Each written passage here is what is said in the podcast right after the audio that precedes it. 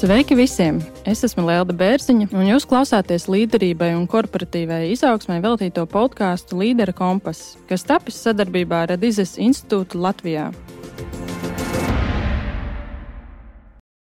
Šī saruna tiek ierakstīta 24. februārī, dienā, kad Krievija veic iebrukumu Ukrajinā.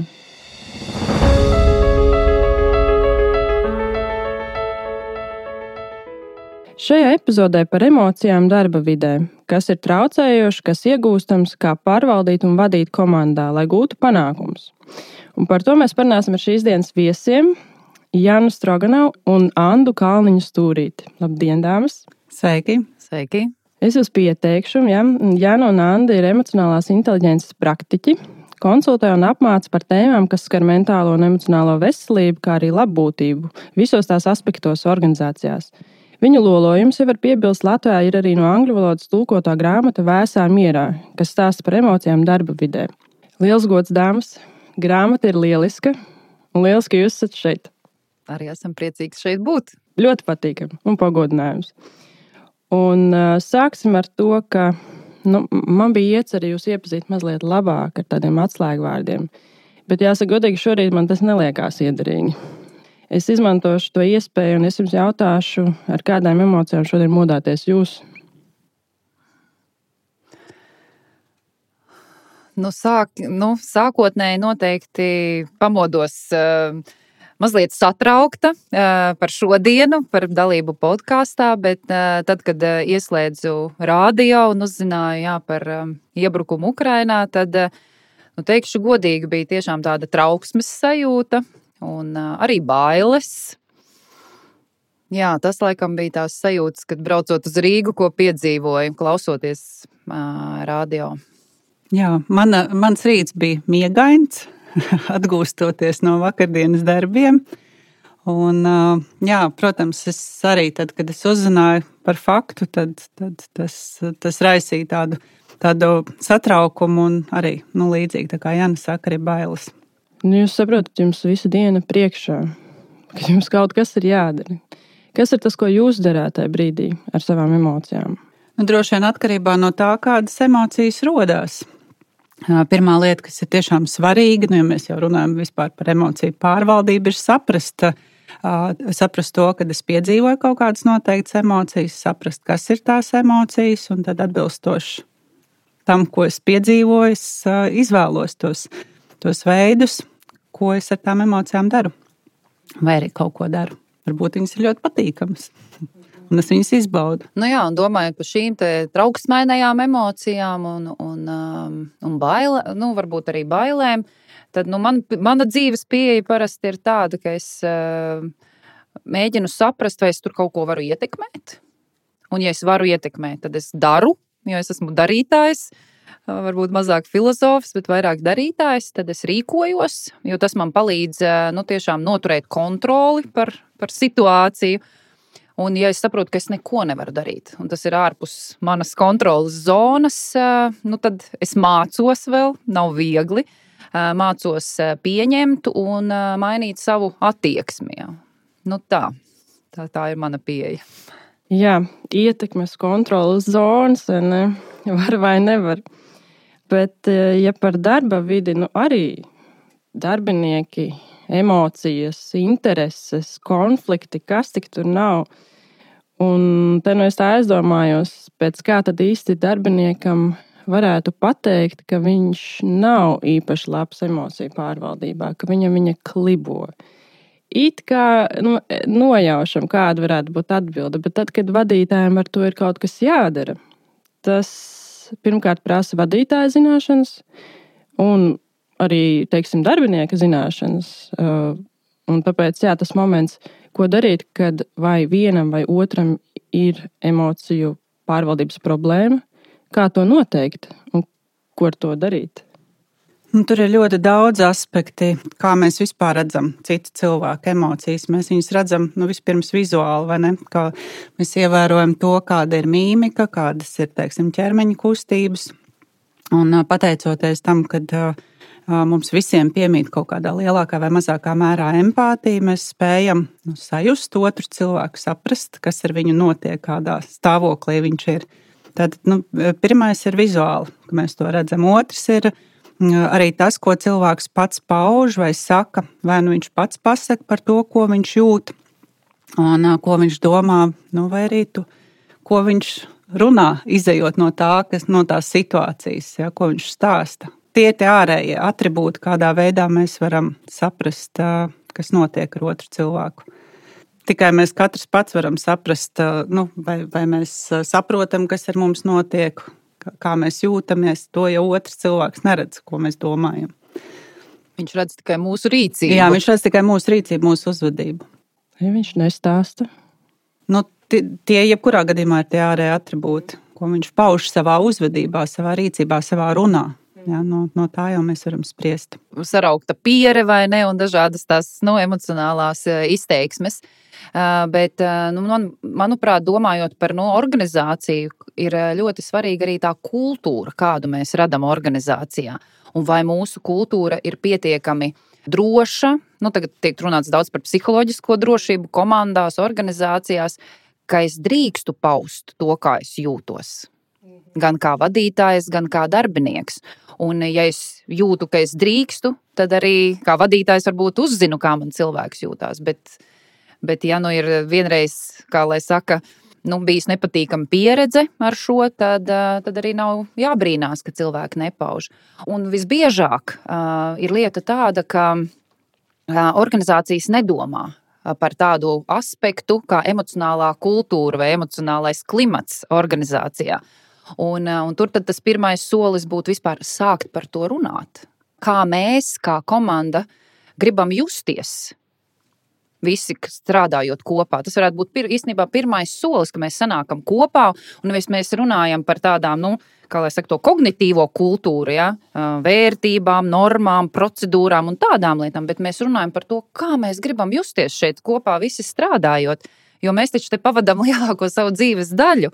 Un, un ja mēs kā komanda, kā organizācija varam par to vienoties, tas jau ir pirmais solis. Jo tad, kad mēs runājam par to, kā mēs gribam justies, mēs runājam par emocijām, mēs runājam par jūtām. Ja, un, un tas jau varētu būt tiešām tas pirmais solis, ar ko sākt.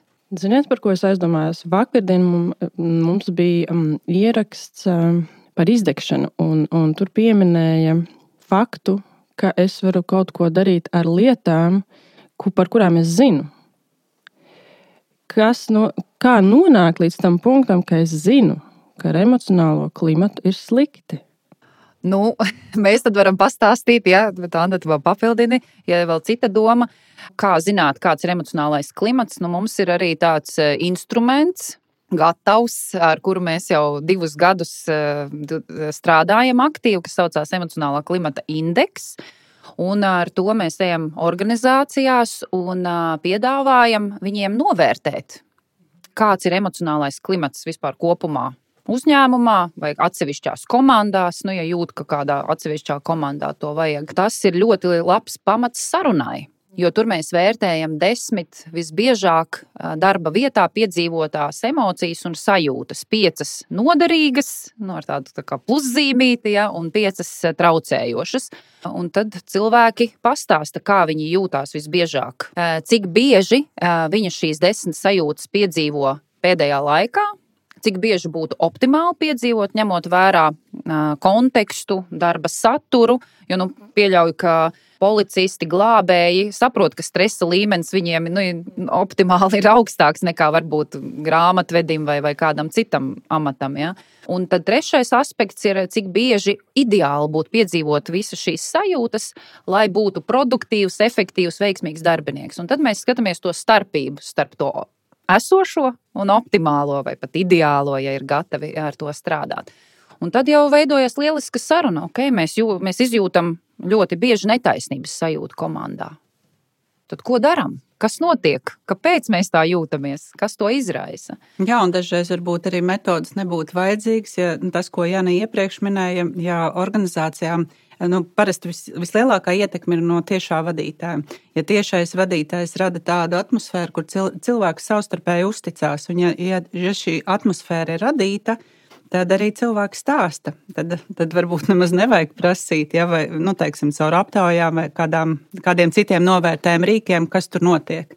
Ja, tad vadītājs jau pats lieliski zina, aprunājoties ar cilvēkiem, kā viņi jūtās. Viņš šī uzticība ir pietiekoši augstā līmenī. Tad mēs zinām, kas notiek, un, un vadītājs var kaut ko mainīt, izējot no tā, kā viņi jūtās. Un vadītājiem arī ir materiāls sarunai pēc Nu, būtības. jā. Nu, ja, vai nu tas ir ārējs materiāls, ja, ko, kas, kas ir caur kādu rīku, vai tas ir tas, ko, ko es pats kā vadītājs ienesu savā, savā komandā, savā kultūrā un, un īstenoju. Man kā cilvēku resursu vadības cilvēkam izklausās ļoti interesanti. Es jāsaka, esmu jau pētījis šo to. Pilnīgi organiski sanāca tiešām mans jautājums ar šo rīku, bet ļoti, ļoti vērtīgi tieši tā nianse, kas pēc būtības uzliek to, ko dažkārt vārdos grūti noraksturot, uz tādos ciparos un, un datos un, un, un vizuālā materiālā, ko tu vari strādāt. Ļoti vērtīgi, paldies, tas ir jāpatur prātā.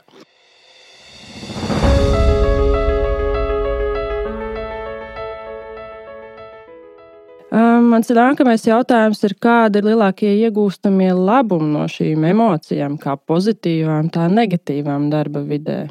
Skaidrs, ka viņas ir jāmāk kaut kā izmantot, ko no viņām var uh, dabūt ārā, teiksim tā. Nu, Droši vien jautājums ir labums kam? Es teiktu, darba, darba vidē, teiksim, gan kultūrai, gan darba efektivitātei, vai tieši otrādi efektivitātes zudumam no negatīvām emocijām. Ko no, kas no tā nāk ārā?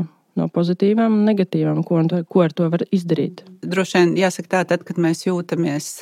Nu, tā nav emocija, bet vi, visas tās emocijas, kas ir pozitīvas, kas mums rada prieku, enerģiju, dzīves prieku, tās tās emocijas, kas uh, padara mūs vairāk aktīvākus, enerģiskākus. Mēs gribam vairāk kaut ko izdarīt, palīdzēt citiem. Uh, Un būtībā tas, tās, tās ir tās emocijas, kas nu, varētu savilkt kopā ar darba sniegumu, jo tās ietekmē darba sniegumu. Nu, ja mums ir vairāk enerģijas, spēka, prieka, tad mēs arī gribam vairāk kaut ko darīt, varbūt arī citiem palīdzēt. Un savukārt, tad, kad mēs esam uh, nobijušies, vai tad, kad mēs esam dusmīgi, vai, vai kādās citās destruktīvās emocijās, tad, uh, protams, tas sašaurina. Uh, nu, īpaši, īpaši ļoti izteiktās, uh, piepildītās emocijās, ja, tad uh, bieži vien mēs pat, pat jūtam, ka mēs nevaram nu, skaidri padomāt vai pieņemt kādus lēmumus. Tas arī ietekmē nu, tādā destruktīvā veidā gan, gan manu individuālo darbu, gan komandas sniegumu, gan arī nu, plašākā, plašākā kontekstā, arī darba vietas rezultāts kopumā. Nu jā, noteikti papildinot, ir, ir jau arī. Kā lai saka, uzskats, ka nav pozitīva un negatīva emocija. Ir, emocijas ir signāli, kas mums eh, saka, nu, jā, kas notiek ja, mūsu ķermenī un apkārt. Un, un tā. Un, un te jau nāk palīdzīgā tā emocionālā inteligence, ka mēs spējam, piemēram, dusmas pārvērst nu, tādā varbūt aktīvā rīcībā. Jo, ja mēs piedzīvojam dusmas, tas nozīmē, ka ka nu, kaut kas ir pret mūsu vērtībām, pret mūsu uzskatiem, ka mēs kaut kam nepiekrītam. Tad ir jautājums, kā mēs to paužam. Un tā jau ir tā emocionālā inteligence. Ja? Vai mēs to paužam tādā destruktīvā veidā, tā uzvedība varbūt nu, ir tāda, kas neved uz kaut kādu produktīvu risinājumu vai arī mēs tiešām tās sakoncentrējam tās savas dusmas, esam ļoti koncentrēti un, un spējam varbūt tādā pārliecinošākā veidā pasniegt kaut, kādas, kaut kādu savu ziņu. Ja? Pretēji tam, ja mēs izjūtam bailes, tad varbūt par to pašu tēmu, jā, bet varbūt mums nav tā spēka, jo dusmās redz, ir tas spēks lielāks. Nu, tur noteikti ir Anna labāk zina visi citi aspekti, bet nu, tā, tā, tā es tā izjūtu, ka dusmas mēs varam tiešām pārvērst par tādu arī konstruktīvu virzību. Nu jā, un te ir viens ļoti svarīgs moments, lai dusmas transformētu. Ir svarīgi piefiksēt to, ka mēs nedusmojamies automātiski pie autopilotā, Bet tiešām, ja mēs paužam dusmas, tas ir ap, nu, apzināts, mūsu, mūsu apzināta izvēle. Tā ir milzīga atšķirība, ja mēs runājam par šīm automātiskajām reakcijām un par to, ko, kā mēs spējam to ievērot, atpazīt un transformēt, lai nu, paustu savas emocijas emocionāli inteliģentā veidā. Un tā ir tā galvenā atšķirība, ka bieži vien nu, to robežu mēs neizjūtam tajās izteiktajās emocijās. Ja mēs esam izteikti nobijušies vai, vai sadusmojušies, ļoti bieži mēs sākam reaģēt automātiski, tā kā mēs esam raduši jau daudzus gadus, un mēs nepamanām tie tie brīži, kad, eh, kad pēc tās situācijas mēs sākam domāt, ah, vajadzēja kaut kā savādāk, kā es tāpatās. Tā ir tā būtiskākā robežšķirtne, ja mēs runājam par emocijām, par emociju pārvaldību. Kaut gan visas emocijas, kā Jānis teica, ir, ir labas, jo tā ir mūsu signāla sistēma, tā dod mums informāciju par to, ka, ko mēs piedzīvojam un kā mums tālāk rīkoties. Bet jautājums, vai mēs to apzināmies tajā brīdī, kad tas notiek? Ļoti vērtīgi komentāri. Man šķiet ļoti būtiski. Paldies, Janai, par to piebildi. Nevienas emocijas nav sliktas vai labas. Mums vienkārši jāsaprot, ko ar viņām darīt un kā izmantot. Un man prieks par to piemēru par dusmām, jo tieši dusmas ir tāds, tāds, tāda ļoti laba emocija. Tieši par to enerģiju, par to spēcīgo enerģiju es savulaik stāstīju, gāju metakošu skolā uz vieniem kursiem, un bija par emocionālo inteligenci arī lekcija. Tajā brīdī es teicu, jā, es atceros to brīdi, kad man bija nu, ļoti izteiktas dusmas par to, ka es netieku uz vieniem kursiem laika rūkuma dēļ bija Danas Gulbas kurs par mājas kārtošanu. Un es tajā brīdī izmetu ārā visu lieko savā mājā. Bet tas ir tāds ļoti reāls piemērs no dzīves, kas parāda vienkārši, un, un meitene saka, nu redz, tu izmantoji šo enerģiju ļoti labā veidā. Bet lieta tāda, ka man šķiet, ka bieži vien cilvēki tiešām nezina, ja arī viņi nojauš uh, par šīm emocijām, ja arī viņi saka, labi, es jūtos dusmīgs, tad bieži vien ir tā, lielā kļūda izgāžu uz tiem, kas ir tuvumā. Nespēja, nav šis emocionāls inteliģents, protams. Bet tad, kad, piemēram, ir jāpadomā, es esmu dusmīgs, bēdīgs, uztraukts, un kādus uzdevumus tad man tagad labāk veikt tajā brīdī, tad nemaz tik vienkārši nav patiesībā. Ko jūs sakāt par to? Nu, kādus uzdevumus paveikt labāk brīdī, kad es esmu dusmīgs? Katra emocija piedāvās dažādus, dažādus risinājumus un veidus, ko darīt. Un dusmu gadījumā tās var būt kaut kādas vienas darbības, ko mēs varam darīt, un, un teiksim, izteiktu baļu gadījumā tas var, var būt kaut kas cits. Un, ja mēs runājam par prasmju attīstību, kā attīstīt, lai zinātu, kā rīkoties, tad te var izdalīt tādas divas lielas grupas. Viena grupa ir tā, ko mēs varam darīt nu, tūlīt, jo tā emocija ir iestājusies, man kaut kas ir jādara ar to emociju. Un otra grupa, kas ir jau tāda noturīgāka, stabilāka, tas ir viss tas, ko mēs darām tādā ikdienas treniņa līmenī, lai sevi attīstītu prasmes, tad, kad mums viņas vajag, lai mēs viņas varētu teikt, esam automatizējuši savā ķermenī un varētu to izmantot.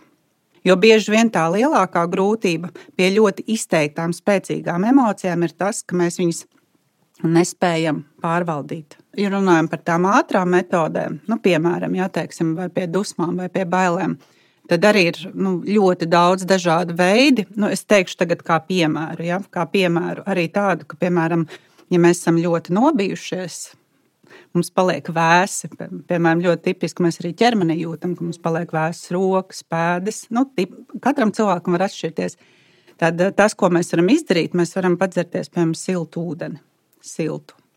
Nevis vēstu. Jo tas, kas ir arī jāsaprot, ka mēs, lai gan mēs mentāli varam nodalīt, šodien mēs runājam par emocijām, mēs varam parunāt par domāšanu, tad mēs varam parunāt par ķermeni, bet, bet dzīvē tas viss ir saistīts.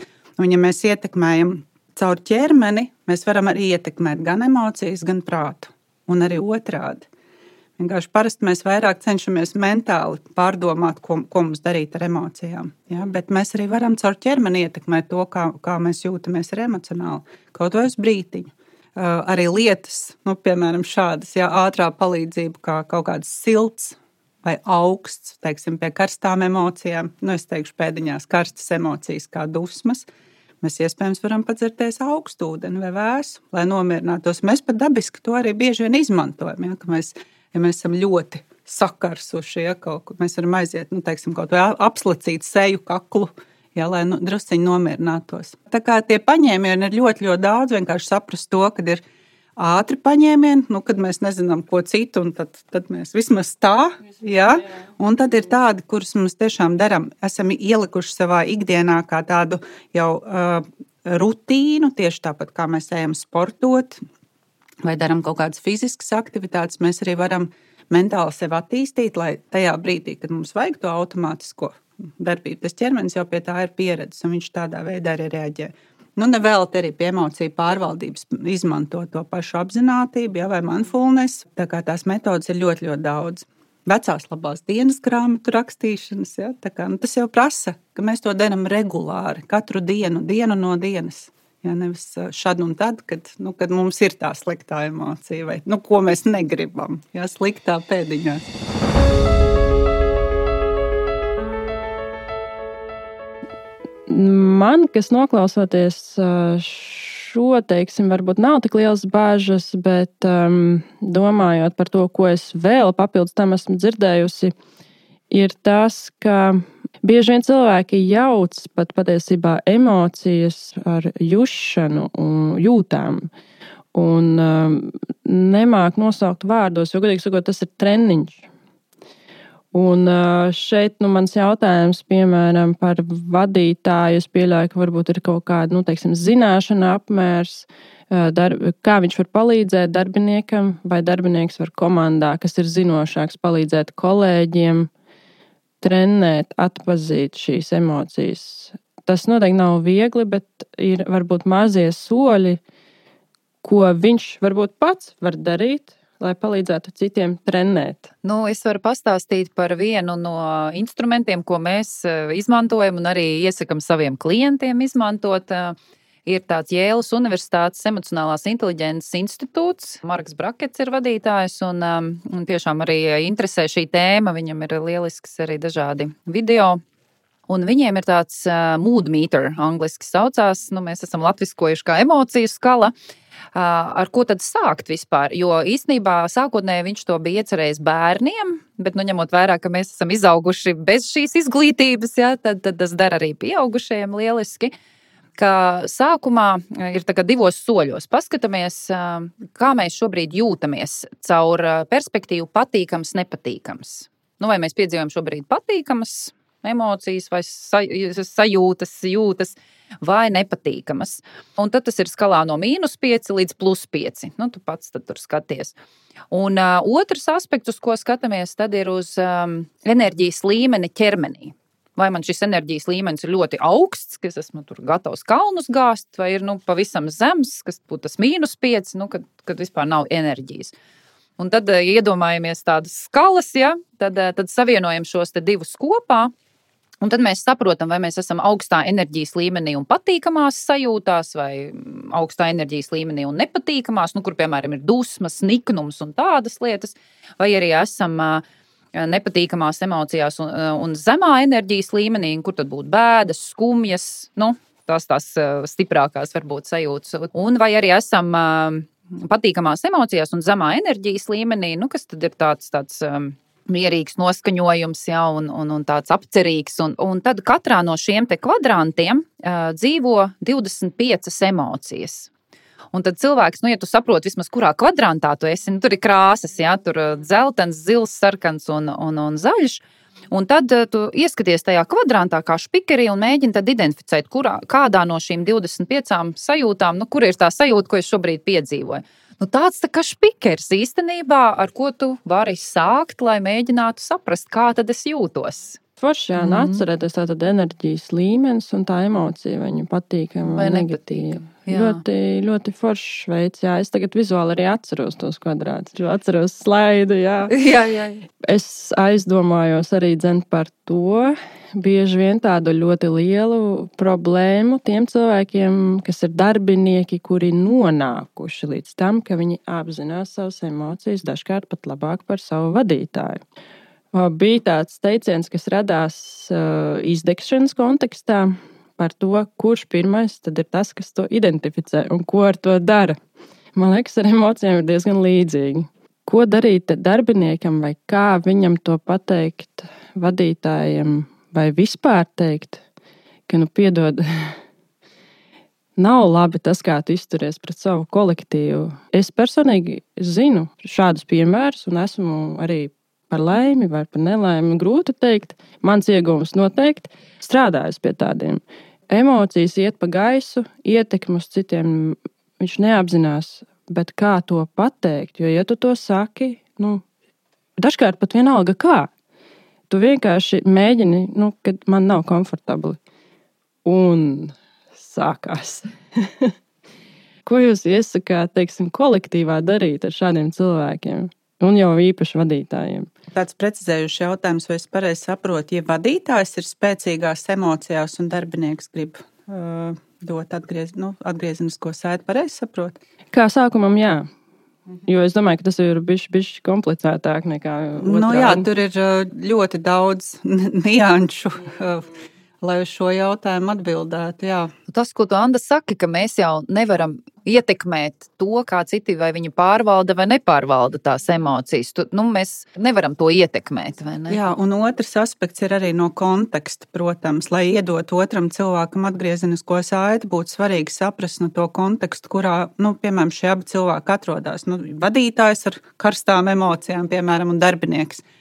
Un, ja tas konteksts ir tāds, ka viņi atrodas vēl citu cilvēku klātbūtnē, ne, tad, tad iespējams, ja šis darbinieks ir emocionāli inteliģents un, un viņš būtu gatavs arī iedot šo atgriezenisko saiti, ka hei, nav, nav īsti labi, kā tu, kā tu reaģēji vai ko tu darīji tajā, tikko tajā sanāksmē. Ja, tad, Varbūt ta, tas ir brīdis, ne, kad, kad es varu uzaicināt vadītāju aprunāties divatā ja, un, un teiksim, pārunāt to, uh, kas, piemēram, man ir pieņemama vai kas nav pieņemama, vai tas, kā tu rīkojies, kādu tas ietekmi, manuprāt, atstāja uz pārējiem, arī uz mani. Tāpēc uh, vēl ir tas aspekts, nu, tiešām, kas jāņem vērā, ir tas konteksts, kurā jūs atrodaties, uh, kur notiek tā situācija. Tad, nu, tas būtu viens pirms uh, dot atgriezenisko saiti. Jā, bet es arī piekrītu, nu, ka nav nemaz tik viegli parasti dēļ tām lomām un amatiem daudziem cilvēkiem to, to atgriezenisko saiti arī dot vai pateikt. Bet nu, tas galvenais jau ir tas, ka eh, paust to caur sevi. Ja? Tad, kad tu to saki, es jūtos tā. Te ir tas stāsts, vai ne? Nu, ko, ko vispār tas mākonis, emocionālā inteliģence nozīmē. Jo uh, parasti arī mums eh, cilvēki prasa, nu, kā, kā to attīstīt. Tad nu, vispār vispirms jāapskatās, kas tas ir. Jo tas ir tiešām milzīgs komplekss, kur ir iekšā ļoti daudz dažādu kompetenci. Tad, protams, atkarībā no tā, kurš apskata no zinātnieku viedokļa šo tēmu, tad vai ne vairāk, vai nu to skatās no komunikācijas viedokļa, vai vairāk no emociju viedokļa, un, un, un teiksim, no kuras puses tā teorija tiek apskatīta. Bet uh, kopumā, jā, ja mēs runājam, nu, kas ir emocionālā inteliģence, tā ir spēja pārvaldīt savas un citu cilvēku emocijas. Nu, teiksim, tā redzamākais, ne pirmais, ne vienīgais emo emocionālās inteliģences pētnieks, bet redzamākais Daniels Kolamans. Un ko tas nozīmē? Tas nozīmē atkal tās daļas, ko tas sevi ietver. Tā vispirms mēs spējam apzināties paši sevī savas emocijas, ko mēs piedzīvojam, apzināties. Un tas nozīmē pirmkārt ievērot Tas būtu tā uzmanība, ka mēs vispār ievērojam, ka mēs kaut kādas emocijas piedzīvojam. Jo ļoti bieži cilvēki saka, nu, kā tu jūties, labi, slikti, normāli. Ja, tas ir vienīgais, kā mēs varam izteikt. Un tā, nu, neviena no tām nav emocija. Tas ir tāds nu, pieķeršanās, ja, lai, lai atbildētu šo jautājumu. Tad vispirms ir tas, ne, kad es tiešām ievēroju, atpazīstu, spēju nosaukt vārdā to, ko es jūtu vai ko es piedzīvoju Un, ja es to spēju, un ja es to arī trenēju, mēs varam to trenēt, tad, protams, kad es, ja es spēju to nosaukt vārdā, tad es spēju arī iemācīties to labāk sākt pārvaldīt. Jo es apzinos, kas man notiek, es aktīvi meklēju kaut kādus veidus vai ceļus, kā ar to tikt galā. Un, ja es labāk spēju pārvaldīt savas emocijas, tad neapšaubām tas noved pie nākamā posma, kas arī mums ir dabiski jau piedzimstot, ko mēs attīstām, ja tas ir empātija, mēs spējam daudz labāk saprast citus cilvēkus viņu emocijās. Ne tikai tad, kad viņi ir priecīgi, vai mīlestības pilni, vai laipni, bet arī mēs saprotam viņus tad, kad viņi ir dusmīgi, neapmierināti, kādas citas destruktīvas emocijas. Mēs daudz labāk viņus sākam saprast. Un tad, kad mēs saprotam, sākam attīstīt šo daļu ar vien vairāk un vairāk Neapšaubām tas ved atkal pie nākamā, pie tā, ka mums uzlabojas komunikācija, mums uzlabojas savstarpējā sadarbība. Un tāpēc nu, varētu teikt, ka tiešām tā emocionālā inteligence ir tāds milz, milzīgs, milzīgs mākonis, ja, kas, kas ietver ļoti, ļoti daudz dažādus aspektus un perspektīvas. Tā kā mēs arī paši esam savā starpā runājuši bieži vien, kad, ne, kad ir, ir lietas, kuras mēs varam mācīties visu mūžu. Par komunikāciju, piemēram, klausīšanās prasmi. Tā, man liekas, ir vispār kompetence, kur tiešām var trenēt visu mūžu. Tieši tāpat tās ir visi šie emocionālās inteliģences aspekti, kurus mēs varam aizvien vairāk tikai sevi attīstīt, pilnveidot un, un visu laiku kāpties, nu, kāpties tik uz priekšu un uz augšu. Gan, gan saprotot, kas ar mums pašiem notiek, gan meklējot kaut kādus, varbūt arī jaunus ceļus, veidus, kā mums ar tām emocijām sadarboties, sadzīvot, pārvaldīt viņas, domājot vairāk destruktīvus, un citi cilvēki. Tas ir mūža treniņš. Ziniet, par ko es aizdomājos? Es jau atcerējos šo sajūtu pie pirmajiem jautājumiem par to empātiju. Man liekas, agrāk arī, jā, nu mēs taču esam empātiski cilvēki, jo es tādu piedzimu. Man tik ļoti tas nāca ārā, un varbūt pat teiksim, tā dzīve aplauza to empātiju. Ko nu tu tik jūtīgi, ko nu tu tur, ko tu tā pārdzīvo? Tajā brīdī es biju bērns, un es nezināju, ko ar to darīt. Bet man tas nāca ārā. Tagad es esmu iemācījies, un es saprotu, ka tas īstenībā lielā mērā ir mans spēks. Bet vai tāds spēks ir visiem? Ir. Ir visiem tik jau nu, tāpat kā empātija, jau tāpat kā emocionālā inteligence, eh, ir eh, prasme, ko tu vari attīstīt. Nu, kā mēs arī stāstām savā mācībās, kā mēs visi piedzimstam empātiski, ja, un, un, un arī mūsu šodienas kontekstā, ja, nu, pieļauju, ka arī Krievijas prezidents ir piedzimis empātisks, ja, ko grūti tagad saprast. Bet jautājums ir tiešām, nu, vai mēs viņu attīstam. Un arī tur var būt galējība, par ko arī mēs bieži vien runājam par šo empātijas distresu, ka mēs kļūstam pārāk empātiski. Un tiešām uztverot, pārdzīvojot varbūt par citu cilvēku jūtām, mēs aizmirstam paši par sevi. Un tādā veidā mēs atkal sev nodaram pāri. Tā kā, tā kā emocionālā inteligencē vienmēr pirmais solis ir sevis apzināšanās ka tu apzinājies sevi, stiprini sevi, un tad otrs solis ir citu apzināšanās. Tā kā pārāk empātiskiem būt arī nav veselīgi. Jā, ir jā, jā, jātur nu, tā, tā veselīgā robeža arī, arī attiecībā pret, pret citiem. Nu jā, senas mācības jau arī saka, visu laiku runā par vidusceļu vai par līdzsvaru visā. Ja? Tā kā arī uz empātiju to var attiecināt, ja? ka mēs varam būt mazāk empātiski, vairāk empātiski, un ir arī, diemžēl, saslimšanas, kur ir traucēts nu, teiksim, noteikti smadzeņu apgabali, kas atbild tieši par empātiju.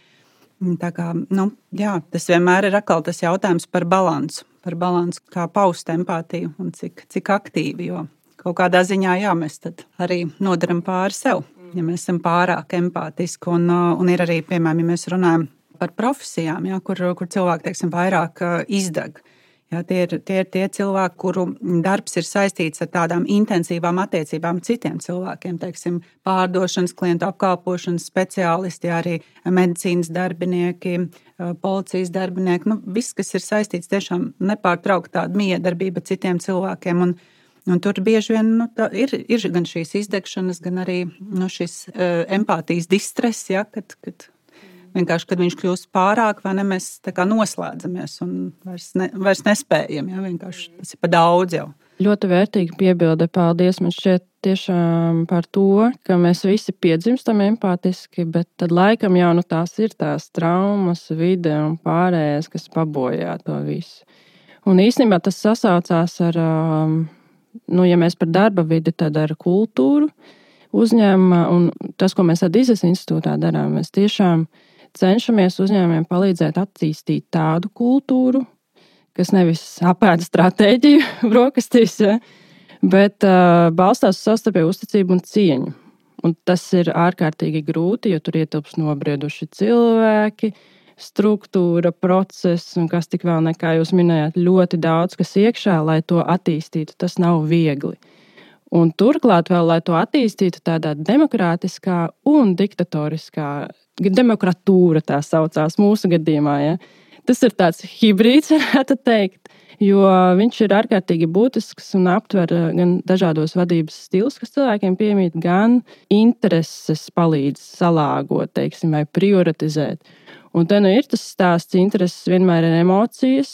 Eh, emocijas jāmācās pārvaldīt, lai saprastu, kurā brīdī varbūt kura interesi nu, ir būtiskāk pabīdīt organizācijā uz augšu.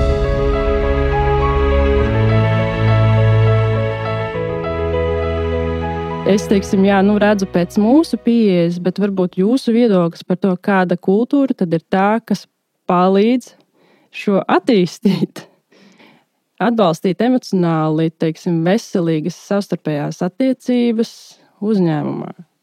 Nu, tā, jā, uzreiz varbūt jāpadomā par to kultūru, bet klausoties tas, ko tu saki, man nāk prātā, nu, vispār, nu, ja mēs paskatāmies atkal uz to tiešo vadītāju, kas viņam, kas viņam ir vajadzīgs. Jo no vienas puses ir jāsniedz arī nu, biznesa mērķi, jo pretējā gadījumā jau organizācija nevar pastāvēt, un no otras puses ir nu, tas, par ko mēs šodien runājam. Ja? Un, un te ir tādi sakal, tādi divi svaru kausi, ko, ko pirms daudziem gadiem man viens vadītājs pateica, un, un es ar to arī dzīvoju, kas ir svarīgi. Eh, kad eh, no vienas puses tiešām, eh, tiešām vadītājiem vienmēr ir vajadzīgs tāds, tāda stingrība, ja, jo, nu, jo rezultāti ir jāsniedz, ir kaut kāda biznesa mērķa, un no otras puses ir vajadzīga laipnība. Un tad, kad, tad, kad viens vai otrs ir par daudz, Ja, vai, vai trūkst šī līdzsvara vai balansa? Tad mēs ieslīgstam vienā vai otrā gandrīz. Tā, nu. Jo jāsaka, kāda kultūra man vislabāk patīk vārds cilvēciska. Jebkurā gadījumā, vai mēs esam IT kompānija vai ražošanas uzņēmums, nu, mums nav tādu uzņēmumu, vai nu, gan jau kas varbūt ir, bet nezinu, kur nestrādā cilvēki. Mēs visi strādājam ar cilvēkiem. Cilvēkiem ir vajadzīgs, protams, kaut kādas robežas, uzdevumi un, un tā, tā nu, tas, tas virziens, uz kurien mēs ejam. Ja? Bet mēs visvairāk no cilvēka varam dabūt ārā, ja mēs pret viņiem attiecamies kā pret cilvēkiem, nevis kā pret resursiem. Ja? Un tāpēc man ļoti nepatīk human resources ja, nosaukums. Cilvēki ir cilvēki, tie nav resursi. Un, un, un, diemžēl tas ir iesakņojies biznesa vidē, ka pret cilvēkiem jau izturās kā pret resursiem. Nu, tad, kad tu neperformē, tad tevi izmet ārā vai nomaina, jā, vai arī tevi nu, tiešām kā resursu izmanto līdz galam, nedomājot, vai tu esi izdedzis vai, vai kā tu jūties. Un, un tad, kad es saslimstu, nu, tad aizēju projām no šī uzņēmuma vai nedibinu varbūt savējo, jā, un esmu laimīgs. Jā. Tā kā es teiktu, ka cilvēciska kultūra tā, tā ir tā, uz ko mums ir jātiecās. Jā, jāsturās pret cilvēkiem kā pret cilvēkiem vērtīgi un ir kur urbt un padomāt, teiksim tā, ja tā izsakās. Cik ilgi jūs pašas esat gājušas? Jums ir fantastiski komentāri un tiešām ļoti vērtīgi. Un, un arī praktiskas mazas lietiņas, jā, ar ko tu vari sākt. Cik jūs pašas esat ilgi gājušas uz šo, vai varbūt joprojām ejat? Es, piemēram, cenšos pret sevi būt godīgi, un es nezinu visu informāciju. Līdz ar to es nezinu, vai jūs jau esat vai ejat uz pilnību. Jā, bet... Tēmu emocijas un emociju pārvaldību, protams, aizmetņi.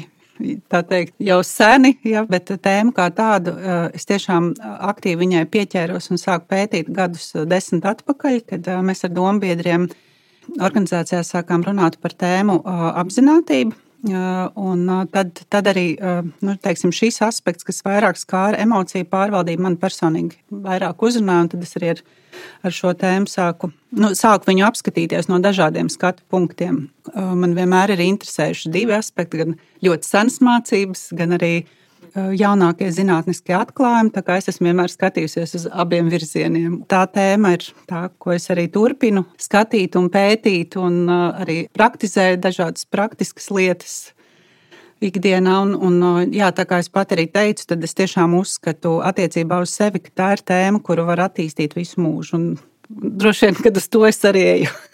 Nu jā, no savas puses eh, man nāk prātā viens notikums eh, manā eh, darba dzīvē. Tad, kad es strādāju vēl bankā, biju valdes locekle, un man bija tāda situācija, ka viena darbiniece atnāca pie manis. Jo es biju nu, samērā jauna vadītāja, ja man liekas, nu, tur bankā strādāt jau tur, cik man bija 30 gadi, likās jau, jau nu, tas taču ir jauns cilvēks vēl pavisam. Uh, Nu, lūk, un, un, protams, es biju ļoti tāda nu, mērķtiecīga un pareizā vadītāja. Un tad vienā brīdī atnāca viena darbiniece, nu, laikam mums bija diezgan labas attiecības, un viņa man teica, nu, Jāna, nu, esi taču mazliet cilvēciskāka. Nu, parādi tās savas emocijas. Jo, zināmā mērā, nu, man likās, nu, ja es esmu tādā augstā amatā, nu, tad man ir jābūt nu, pokerface vai nevienmēr viss tur tā un, un skaidrs un, un neko nedrīkst izrādīt. Un, un tas īstenībā bija pagrieziens manā vispār tādā saku, apziņā par to, ka emocijas ir jārāda, ka darbinieki grib redzēt tās tavas emocijas, ja ne tikai vienmēr to seju mierīgo, varbūt un nosvērto. Un, un tad, tad, laikam, es teiktu, sākās mans ceļš emociju tādā jomā. Tas vēl nebija apzināti noteikti, nu, tas vienkārši tāds aizmetnis. Ja. Jā, darbinieki sagaida no saviem vadītājiem arī to cilvēciskumu, to emocionalitāti. Ja. Protams, tam ir jābūt līdzsvarā, ja. kā jau visam ir jābūt līdzsvarā, bet mums ir jārāda, ka mēs esam arī cilvēki, ne tikai vadītāji. Jā, un visspēcīgākās uzrunas parasti ir bijušas, nu, vai kādas prezentācijas, ko mēs esam redzējuši un pārsūtam viens otram video, ir tieši tādas, kur eh, šie līderi vai eh, nu, cilvēki, kurus mēs klausāmies, ka viņi tieši pauž savas emocijas ļoti aktīvi, vai, ne? vai viņi ir izrāda to, ka viņi ir ļoti dusmīgi, vai viņi ir uh, vīlušies, vai ir bēdīgi, un tieši ka pauž šīs emocijas. Un tas mums vienmēr pašiem arī patīk, un mēs viens otram tiešām dalāmies ar tām prezentācijām un video. Zīmīgi, ka jūs arī šajā grāmatā vēsā miera emocijas darba vidē, tur pēdējā nodaļā nemaldos bija par līderi, ka līderim ir jābūt tādam, kas nebaidās tomēr tās emocijas arī parādīt, ka tā nav vājuma pazīme, ka tā nav kaut kāda ievainojamība. Es atceros vienu meiteni par jūsu komentāru ja, par tiem iedvesmas cilvēkiem. Viņa uh, stāstīja uh, ļoti bailīgi un nezināja, vai tas būs tas īstais, par ko prezentācija, nu, iedvesmas auditorijai, vai nu, kā iedvesmu veidot. Bet viņa stāstīja par to, kā viņa mācījās braukt ar riteni pieaugušā vecumā. Viņa to stāstīja tā, tik cilvēcīgi, ka visi sēdēja. Nu, kāds novardināja pasariņai, kāds sēdēja un teica, es kaut ko tādu neesmu dzirdējis vispār. Viņa stāstīja par riteņbraukšanu. Un tas, man liekas, ir ļoti, ļoti, tiešām, kā jūs stāstāt, vērtīgi, tiešām cilvēcīgums. Un es atceros, man patīk, kā Jānis piebilda par šo darba vidas piemēru, par vadītājas pozīciju. Es atceros ārprātīgi laušanos sevī. Piemēram, skolā es atceros, kā man salauza to, ka es rādu savas emocijas. Teicu, nu, zini, kā, nu, ko tu, tu vispār, nu, kas ar tevi ir? Un es salūzu. Nu, protams, tas nebija vienīgais faktors, bet nu, pietiekami ietekmējošs tīņiem viņu gados.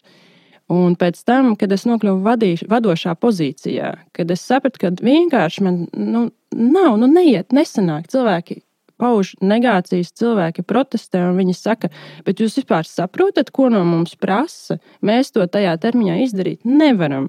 Bet tu no otras puses esi nonācis tādā lomā, ka tev ir jā, nu, jāpanāk, lai izdara.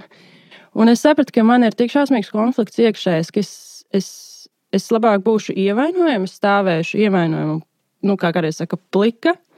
Bet uh, es darīšu tā, kā man saka, man iekšējā sajūta, cilvēcīgi. Ticiet vai nē, nu, jūs noteikti ticat, jā.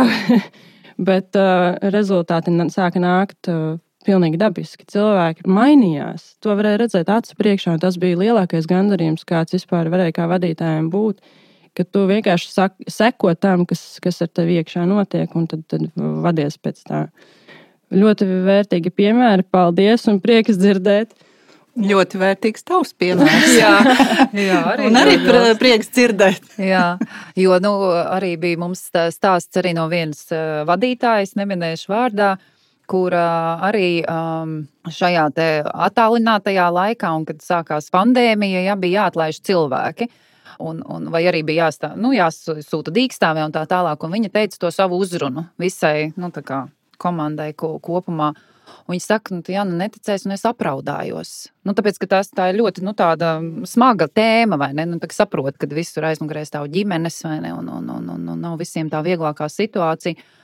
Un, un, un kā un tu pats slikti jūties, ka tu apraudies, ne tur lielā prezentācijā darbiniekiem, vai ne, nu, ja cilvēks numur viens um, uzņēmumā. Un, Viņi saka, un atsauksmes bija vienkārši nereāls. Cilvēki pēc tam uh, sūtīja ziņas un teica, paldies, ka esmu tik cilvēcīga un, un, un uzmundrināja mani. Un tā, nu, vienkārši cilvēks parādīja, ka, nu, kad ir cilvēks ja, un ka jūt līdzi. Nu, nav tā, vai ne, ka ai, man vienalga, mēs tur atlaidīsim vai, vai aizsūtīsim dīkstāvē tik un tik. Mm. Nu, tā. Tas līdzīgi tavam piemēram. jā, jā. jā. Es arī ļoti novērtēju, bet visi vadītāji, protams, ka nav vienādi. Ir kādi, kas šādi spēj un kas nav. Bet, bet tas cilvēcīgums, nu, viņš būs tas, kas veidos darba vidi nākotnē, neizbēgami. Mums doktora Dīzes arī stāsta par integrāciju, kas būs visam pamatā. Nu, un tās soft skills vairs nav nekādas soft skills. Nu jau kā tad tam vadītājam, kurš varbūt mm, teiksim, tā, negrib, nu, es pieļauju, ka tur ir gan pagātnes mantojums, gan daudz citu faktori. Ir šis stereotipiskais mm, teiksim, mīts par to, ka emocijas paust nozīmē, ka tu esi vājš, nestabils un neprognozējams. Mm -hmm. Kā to mainīt, palīdzēt mainīt caur pašu apkārtējā vide jau maina. Tad, kad ienāk kaut kāda, nu, teiksim, ja organizācijā parādās citi vadītāji, kas ar to strādā un kas, kas attīsta sevī to, un, un, un arī pārējie sāk redzēt tos rezultātus, kas, kas, kas nāk no, no tās komandas, kur tas vadītājs ir. Jā. Nu, pirmkārt, šī ietekme jau parādās, ja, un tādā veidā mēs viens otru ietekmējam. Bet otra lieta ir arī apzināties nu, par attīstību. Nu, ja mēs runājam par, par attīstību, pašattīstību, ja mēs paši neesam nobrieduši tajā situācijā, tajā brīdī, un atkal nav nekas pareizi vai nepareizi, bet mums pašiem līdz tam ir jānonāk, mums pašiem ir jānobriest. Un tikai tad, kad mēs atzīstam, pieņemam, ka mums ar sevi kaut ko tajā virzienā vajag darīt, tad, tad mēs varam sākt runāt par pašattīstību. Jo, nu, diemžēl, arī, eh, arī lai cik būtu forši dažreiz kaut kādi novērtējumi, vai, vai, vai 360, vai, vai, vai citi, ja es pats neredzu, pat ja redzu, bet nepiekrītu vai, vai saku, vienkārši es negribu. Tad eh, šī attīstība un pašattīstība ir tāda lieta, nu, ka citi var baletu dejot, bet nekas jau nemainīsies. Tāpēc nu, jā, katram, diemžēl, savs laiks, savs brīdis, un arī nu, tā apzināšanās, ka man to vajag, un es ar to kaut ko darīšu. Nevis vienkārši zināšu, ka man to vajag, bet es esmu gatavs, aktīvi ar to strādāt. Un, nu, protams, apkārtējie cilvēki, tā kā es teicu, nu, ietekmē arī to, ka varbūt tas pamudina sākt skatīties, aizdomāties, domāt. Jo kā visas kustības arī lēnām ienāk, kā visas tēmas arī lēnām ir ienākušas, kas mums likās kādreiz nereāli, ka mēs, piemēram, runāsim par, par apziņotību darbu, ja darba, darba kontekstā vai par, par emocijām darba kontekstā. Nu, tas lēnām ir ienācis. Vis, visam, kam jāienāk, ienāk. Ar tādu klikšķi, ne? Klikšķis. Jā, nu, daudz tēmas tādā veidā ir ienākušas, kas kādreiz likās nereāli. Jā, pirms, vēl pirms pieciem, varbūt desmit gadiem. Nu jā, man liekas, ka arī ir svarīgi cilvēkiem skaidrot, jo tas, ko nu, bieži nākas dzirdēt, Ai, nu tā emocionālā inteligence. Nu, tie jau laikam visi tādi nu, putniņi, un, un balti un pūkaini, un, tik la, un tikai laipni un jauki cilvēki. Ja? Bet tas jau, ko arī Anna iepriekš teica, Emocionālā inteligence tā jau ir prasme. Tas nav tikai par to, ka tu esi jauks cilvēks. Ja, ja mēs arī skatāmies eh, to pašu novērtējumu, ja, ko mēs arī veicam vadītājiem un, un darbiniekiem par emocionālo inteligenci, tad te jau ir tādas konkrētas prasmes, vai ne? Vai mēs apskatām problēmu no dažādiem skatu punktiem, vai mēs sniedzam atgriezenisko saiti, vai mēs radām pozitīvu darba vidi. Tās jau ir konkrētas lietas, nu, tādas ļoti praktiskas lietas. Un, ja mēs vadītājiem tiešām parādītu, ka būt emocionāli inteliģentam, tas nenozīmē, ka, nu, ka tu esi tikai smaidīgs visu laiku ja, un, un, un priecīgs cilvēks, bet tās ir tādas nu, tās pat teiktu, hard skills. Ja? Jo iemācīties Excel un visas tās lietas, man liekas, tagad ir vieglāk nekā emocijas pārvaldīt. Un, un ka, ka tā ir ļoti praktiska lieta, kas viņam var noderēt dzīvē. Protams, te var ieiet otrā grāvī, par ko arī jau ir lasīts. Ja? Kad uh, citi izmanto tādiem ļauniem nolūkiem, uzspēlēti vai ne. Bet, nu, labi, tik tālu man liekas, ka jau uh, nu, ir kādi gan jau cilvēki, bet tas varbūt nav problēma šajā brīdī, bet vairāk problēma ir tajā, ka nu, nav tās sapratnes par to, kas tas ir un kādu labumu tas var dot organizācijai. Jo mēs vairāk šādos formātos un grāmatas formātā un jebkādā par to runāsim un stāstīsim, tad man liekas, vadītāji uztvers to nu, tiešām, ka tā ir prasme nevis vienkārši smaidīgs cilvēks un laipns. Nu tā. Un pirms prasmes, jā, to, ko arī Jana pieminēja, tad vēl viena svarīga lieta ir, ar ko viss iesākās. Un viss iesākās ar to, ka mēs skaidri saprotam savu motivāciju. Un ja mēs skaidri saprotam savu motivāciju, kāpēc mēs kaut ko attīstam, kaut ko paužam, kaut ko darām, tad, tad mēs neizdarīsim lietas nepareizā veidā. Jo darot viņus vienkārši tāpatās, tāpēc, ka tas ir forši, vai tas ir moderni, vai tas tagad uh, rullē, ja? tas nekādu rezultātu nedos ne pašam, ne arī apkārtējiem. Bet tad, kad es ielieku, es skaidri apzinos šo motivāciju vai nolūku, ko es ar to gribu panākt, kāpēc es to daru, tas var aizvest, kur vēlās. Paldies, dāmas! Ir tiešām prieks, un es ceru, ka būs noderīgi arī klausītājiem. Noslēdzot, eh, man ir tāds eh, plašs, tāds varbūt globālāks jautājums, bet uh, es domāju, ka ārkārtīgi svarīgs šobrīd jums, kā emocionālas inteliģences praktiķiem, kādas gribētu redzēt kompānijas Latvijā pēc šīs pandēmijas? Nu, jā, mēs, nu, jā, man tas, tas vārds, protams, patīk. Pandēmija. Ko, ko, ko Jānis jau lietoja, tā cilvēcība. Mēs pat savā mājaslapā esam uzlikuši tādu atsevišķu sadaļu, kur mēs, ir, ir dažas domas, ko ar to darīt. Bet jā, es gribētu tiešām atbildēt to ar to vienu vārdu cilvēcīgāks, jo tas, ko mēs redzējām arī šajos divos gados, burtiski tas bija tāds kā pieprasījuma vilnis, ja arī ar apmācībām, ko mācīt, nu, tieši mācīt šīs lietas, kā strādāt ar, ar savām emocijām, ar emociju pārvaldību, ko, ko darīt darbiniekiem, ko darīt vadītājiem. Ja, tās bija galvenās tēmas. Un varbūt pateicoties tieši pandēmijai, šī tēma atnāca. Tā ir svarīga, kad ir svarīgi runāt par to, kad ir svarīgi ienes šo tēmu darba vidēs. Tas, tas, man liekas, ir tas, ko tā pandēmija labi izdarīja. Un, tāpēc tas, ko varbūt tiešām mēs sagaidām pēc, ir, kad, kad nu, būs uzkrāti, uzkrāti muskuļi, attīstīti muskuļi šajā tēmā. Nu jā, un noteikti nepamest šo tēmu. Es noteikti sagaidītu no pēc pandēmijas laika, jo uh, nu, joprojām tas ir cilvēku, cilvēku biznesa vai biznesa ar cilvēkiem. Un, um, un tur, kur ir cilvēki, tur ir emocijas. Un vai tā ir pandēmija vai nav pandēmija, tas emocijas. Cilvēki ir, ir emocijas. Un, ja mēs ar cilvēkiem strādājam, nu, tad, tad tiešām sagaidu, ka būs tā cilvēciskā attieksme pret cilvēkiem. Jā, laikam neko citu nevar gudrāku pateikt. Paldies, bet tā doma ir tiešām skaidra. Un es arī piekritīšu no savas puses, neaizmirst pēc tam. Šis beigsies, nāks kaut kas cits kā ieradumu dienā. Paldies, dāmas! Mm. Man bija ļoti, ļoti interesanti. Tiešām noderīgi. Es ceru, ka arī klausītājiem. Paldies, ka bijāt šeit un uz tikšanos. Uz tikšanos. Paldies! Paldies, ka klausies podkāstu Līdera kompass. Lai nepalaistu garām jaunās epizodes, sekojiet ierakstiem Facebook un LinkedIn. Noklausīties iepriekšējās epizodes var visās podkāstu platformās un YouTube. Ja vēlaties atbalstīt podkāstu darbu, klausies pats un dalies ar tiem, kam būtu saistošs podkāstu saturs. Uz tikšanos!